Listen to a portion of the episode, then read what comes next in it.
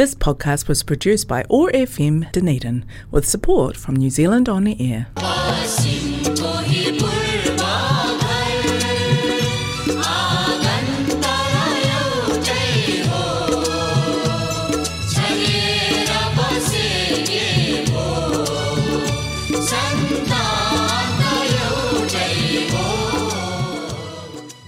Nau mai, haere mai, namaste. हरेक मङ्गलबार साँझको छ तिस बजे प्रसारण हुने ओट्यागो एक्सेस रेडियोबाट सञ्चालित कार्यक्रम हाम्रो आवाजमा म टिका कौशिकको सम्पूर्ण श्रोताहरूमा हार्दिक अभिवादन। आज मङ्गलबार इस्वी सन् दुई हजार तेइस अगस्त एक तारिक तदनुसार विक्रम सम्मत दुई हजार असी श्रावण सोह्र गते।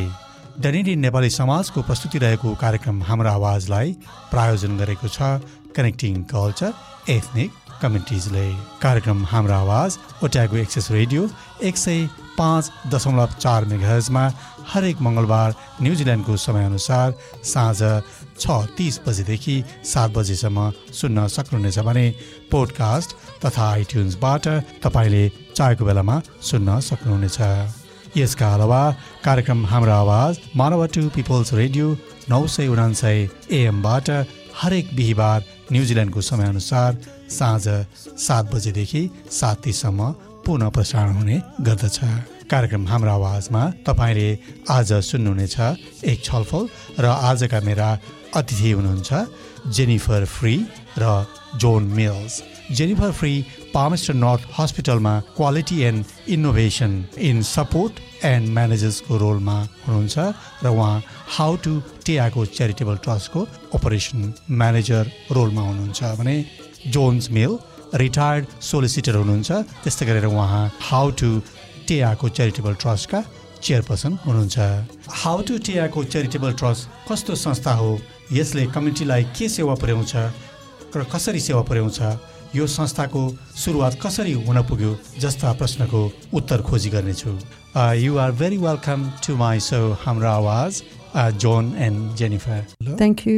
John, as you are the chairperson of this charitable trust, what is How to Teako Charitable Trust? How to Tiako Charitable Trust is the an organisation which has been set up to provide for former refugees because of the complete absence of certain services being provided for in the community.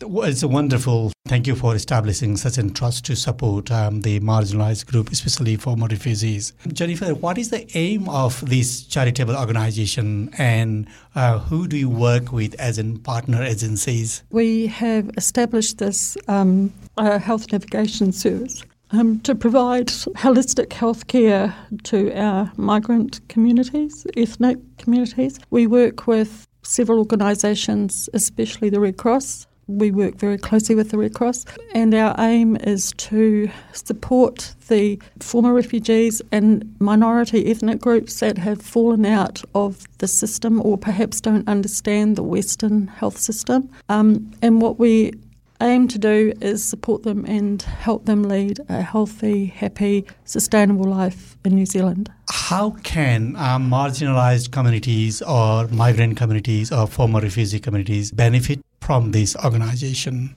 Um, so they can come to us in our space that we've created for them and they can feel safe. Um, they can talk to us openly and honestly. Um, there's a lot of support services around and they form a relationship with them. Our health team, um, we're all volunteers. They get to understand and get to know the families, their struggles, what support they need, and we go out and find the support people that they are, are needing. So we, I guess we just we've created a safe space. And we provide time. So there's no limitation when they come to see us of having to say quickly what they want and move on. We give them as much time as they need.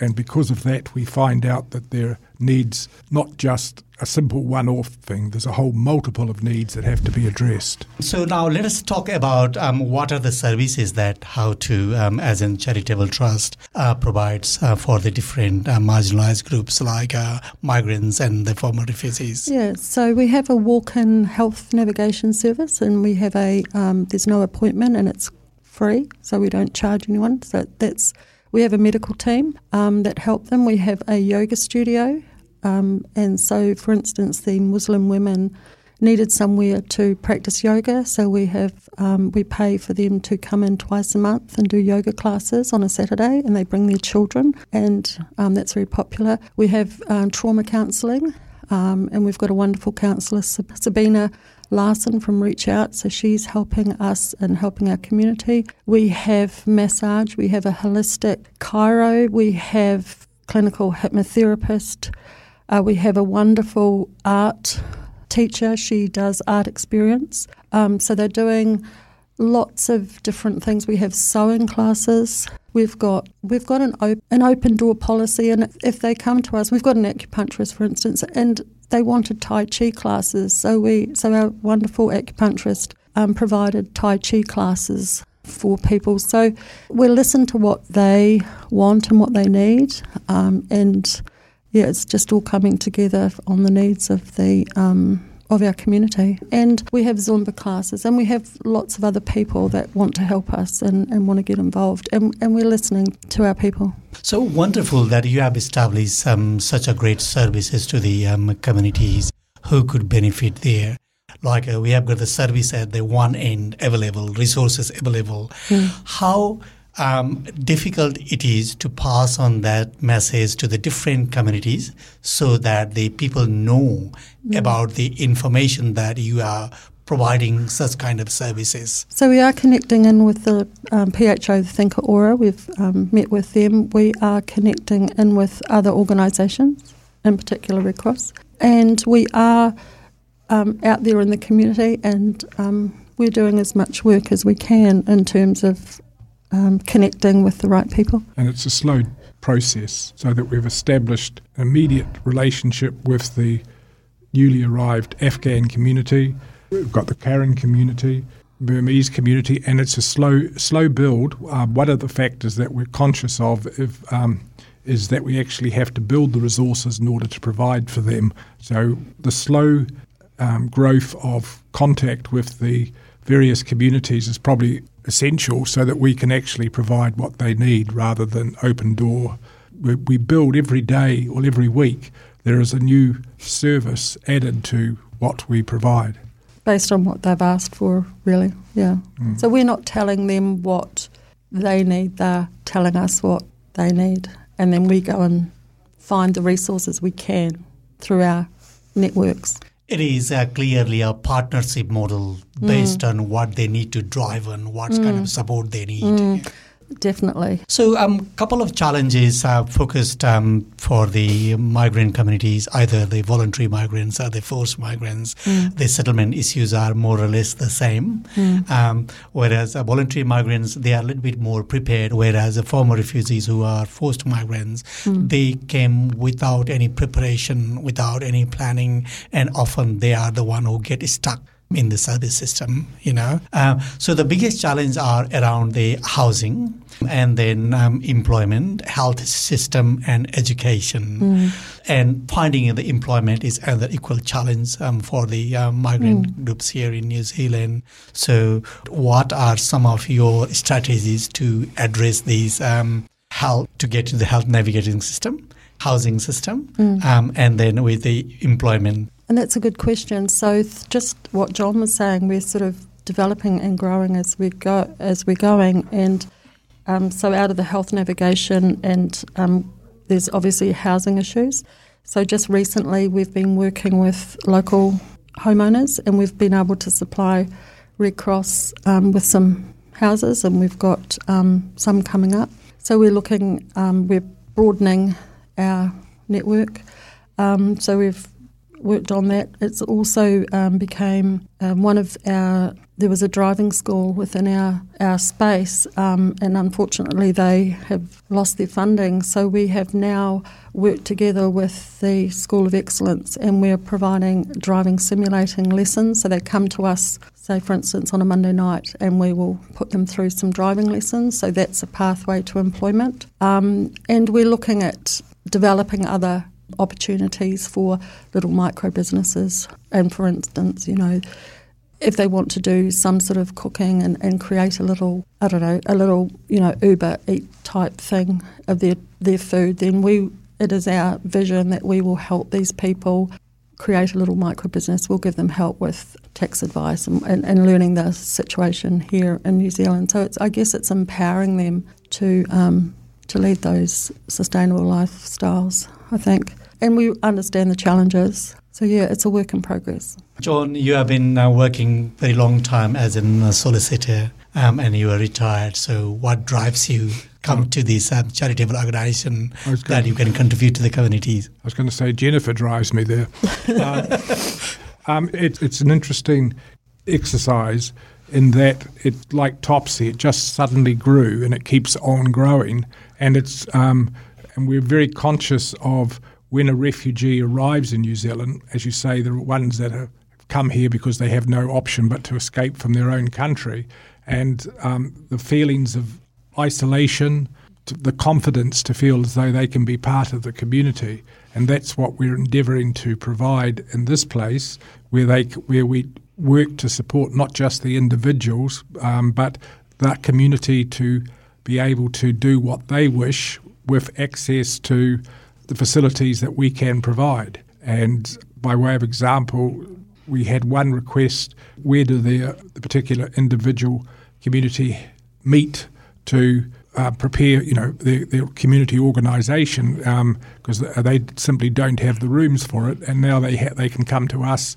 We open up the offices and they can sit there, you know, um, on the weekend or in the evening, and it's that support that we give them that makes we believe um, will help them feel confident. And with confidence comes the um, ability to get out there to a pathway to employment um, is, the, is your basic welfare, which gives you the confidence to go out there and do what is a very challenging exercise. Uh, and um, driving, for example, is, is a we take it for granted over here that you when you are able to, you immediately apply for a license and you almost know how to do it because you've done it so often sitting in your parents' car. Whereas these people, not only they have the language barrier, they have the, the, New Zealand streets, and, and, and it's not a simple exercise. And it's that sort of confidence that we hope to be able to provide so that they're confident to do what we take for granted.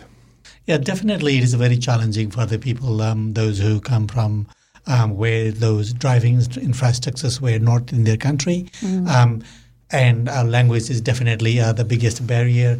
Uh, when someone is um, on the car seat, um, they can't read the sign in mm-hmm. front. I can't read the street. Um, um, that is definitely a challenging um, task to mm-hmm. do uh, learning um, and to get the driver license. And those I've seen your system of that simulation of the vehicle. Mm. So how important to each of the learners to sit there and give give a feel and gain confidence before they get into the street. That's yes, exactly. Yeah. That's mm. how it has to work. Uh, John has indicated that um, Jennifer drives. Um, she has a driving force um, for this one, and you have been uh, working uh, with uh, hospital um, in the quality and innovation in support and, and, management role over there. So, what is the thought behind how what clicked you to start this um, charitable trust to support? How did this organization came into existence? Um, so, about three and a half years ago, I was um, taking minutes at a um, consumer council meeting, and the refugees were guests, and I heard their um, struggles and I I just listened and took away from that meeting, gosh, some of their struggles, we could fix these quite easily. Um, but obviously, a hospital is a very busy place. And a lot of those needs, you know, the community can help. Um, and so it grew from there. So, yeah, so, so it's just grown um, through my experience that I had at that one particular meeting. And I just thought, gosh, you know, there's so many things that we could do to help. Um, and you don't need you don't need a lot of money to do it if you've got the right people. And I've been very fortunate that our whole team are just so passionate about giving back to the community. Um, and it's just, yeah, it's just, as John said, it's just growing. So it's all started from there. That was the seed. And so it's just been an exciting, wonderful journey. Yeah, I, I really appreciate um, your, um, how do I say, I don't know in my word, but um, finding that gap, you mm. know. So that is such an important to find out where the bigger mm. gap is. Mm. Like sometimes the resource itself is not a very important, mm. you know. Uh, sometimes time itself is not important but we need to utilize the expertise um, and the resource and then time of the different people and if we work in the collaboration that will make mm. a big change in the community. Absolutely. Totally agree. In the surface or in the paper it is very clear cut that um, the former refugees come from overseas. They first get welcome and stay spend about five to six weeks in Mangere and they mm. do orientation and screening after that, they distribute those um, cohort of the people in the different settlement regions based on their community ethnic link. Mm-hmm. And in the settlement centers, there are services put in places. Um, for one year, there will be uh, support from the settlement service provider and with the volunteers. In the map, you know it looks perfect mm. it is organized but in reality it is much more in the deeper level that we need to understand the challenges of the mm. settlement how to navigate the services mm. yeah yes definitely um, yes i mean a lot of them have come from much uh, closer knit communities and you can actually walk um, and see your family and friends uh, when from the countries they've come to um, whereas here they are spread out all over town. They've got to find how to get the buses, which don't actually go very regularly in certain areas. Um, so all of those things which seem trivial are not trivial to them. And it's that question of they know that if they come to town, there is a space that they can go in, which in a sense is belongs to them. And and so they can go without having to first get an invitation. And that's what's happening. We had um, an example of one of our, I'll call her one of our ladies, who was in the sewing class, and we were working there on uh, Saturday afternoon, and the next moment the sound of the sewing machine um, starts off, and she'd, she'd the door had been left unlocked, so she had wandered in to continue making whatever she was making on the sewing machine. Well, um, and uh, she was bold and friendly enough and, and felt welcome enough simply to help herself. and that, that's a good feeling for us. It, it, that's what we're trying to achieve, where people feel that this is their place, as opposed to um, a lot of what the community otherwise provides through the medical profession and doctors and nurses and those people who are committed and under an enormous amount of pressure. So for them to be able to come to some place where there is no pressure but there is support is what we're trying to provide. Um, I would like to just highlight a little bit more on the health system here in New Zealand. A lot of uh, people who come here as informal refugees have got different settings of the health system in their mm. countries. Mm. And usually uh, don't have the practice to go to the doctor until they are at the last minute and mm. when once they go to the doctor in the last minute, the doctors or the health professionals are not able to fix most of the things. Otherwise, we can say there is no warrant of fitness system of the health in their countries. So they are still carrying the similar understanding here, and they don't turn up to the doctors mm. or health professionals until they are in the last stage. So, um, have uh, your um, health volunteers mm. uh, bringing out some of the issues to discuss in the management team? Yes, they are, and I'll give you an example. So, our health team is a there is a medical doctor, registered nurse, and a public health specialist. And what we're finding is a lot of our refugees are coming in and they're over medicated, so they're taking a lot of medication. And in and the Western system, we're more educated in terms of medication. So, of course, you know, and there's and that creates anxiety for a lot of the people because they are over medicated. So by our team getting to know them, getting to know what they've been taking, they can reassess the needs and educate them around how it works in New Zealand. And you can't just, you know, take this, take that, because they come in with bundles of, of medication. So it is around education, um, which is helpful for them, um, and they are um, the ones that we're seeing are becoming more comfortable with opening up to us about, you know, what it is they have been taking and, you know, perhaps um, perhaps they do need help, whereas a lot of them have been quite reserved. Um, and we do provide interpreters, um, so we are getting So we've broken down the barriers in terms of language, and they are becoming quite open with us, which is great because we can educate them. And also, um, I'm just highlighting some of the issues as I worked in the settlement sector. What came to us as an attention is that um, some of our community, um, those who get sick, um, they are looking for a one-touch solution for the mm. treatment, like uh, the doctor or either general practitioner or someone who can fix with one touch. Mm. I mean, they want all things to be cured mm. with one place visit. You know. Hmm. So, um, are there any of the health um, professionals talking about that? Um, so, in our team, I can only speak for what happens in our team. So. When, um, as we're getting to know these families, some of them um, don't need the medication they're on. So we will take them to, onto the holistic path of, of other um, wellness and well-being things. So we've had um, one particular lady who's high anxiety. So we've put her into um, giving her a massage, giving her some yoga, um, putting her into sewing and, and art and doing things that she loves. So her anxiety levels, we've noticed the improvement. So she's a lot happier. So and um, so I can only talk about what's happening in, in our space. We're here to support the GPs. We're not, you know, um, replacing the GPs, but we're just putting them onto a more holistic path if if they're happy to do that, and most of them are. Yeah, definitely. Um, most of the clients come from the collective society, mm. and they love uh, to be together in the um, what you call the framework or the um, community uh, circle, mm. and a lot of them get um, isolated over here and get loneliness, and that can cause more of they those. Do. Yeah, mm. especially the elderly. Yeah, exactly. The elderly people are quite more vulnerable. Mm. We can say they have got nowhere to go, uh, can't drive, can't speak the language. Uh, mm. That makes it even more challenging for them. Yeah, and some of them don't want to learn English, which we respect. So, and they come in and they do speak their languages, and that's fine. We'll get an interpreter. We don't. There's no judgment or discrimination. Everyone's welcome, and yeah, as I say, it's it's.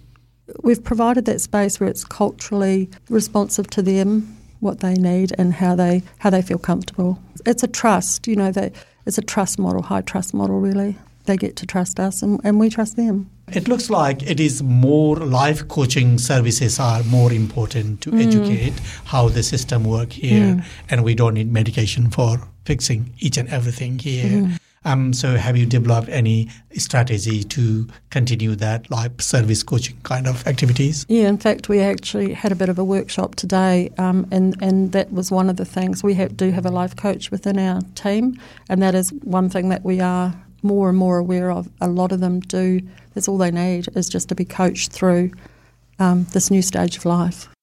Anxiety from whatever they may have incurred and suffered from where they've come from and then you add the anxiety of being in a new country, mm. um, you can the, really the first thing that we they have have to achieve in order to settle in the country is to deal with that anxiety, to remove that anxiety, um, and and that's what we probably when we, are talking about um, health and welfare and welfare, the, person's welfare is as important as dealing with the immediate medical problems so that they can move on and by doing that, our goal is that they are able to find their place, and with that comes, you know, they deal with and settle into the country and find their own feet. And, and arguably, it also means that they're more able to ob- obtain employment um, because they don't bring with them all the, those factors or depressing factors that cause you know cause strain in their, just the day to day life as they relate to other people.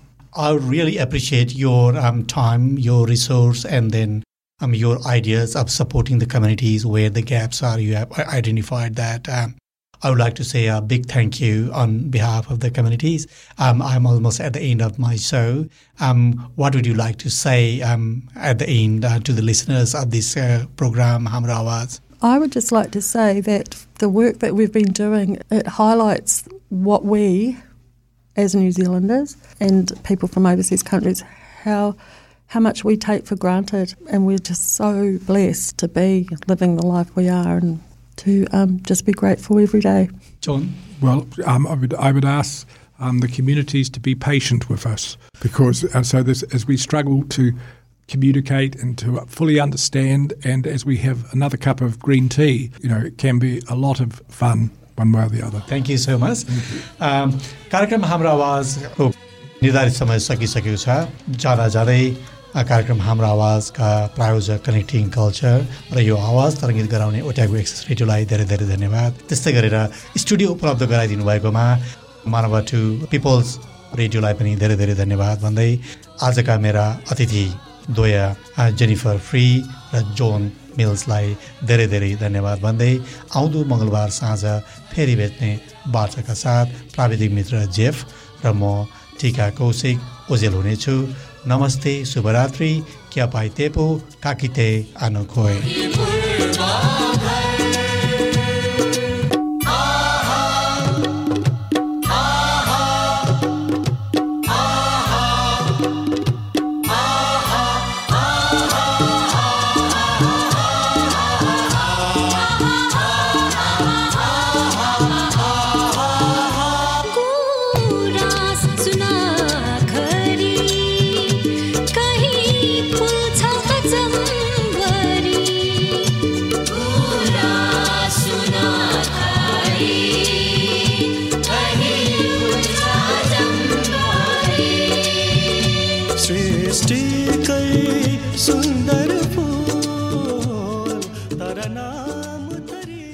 podcast was produced by OAR FM Dunedin with support from New Zealand On the Air.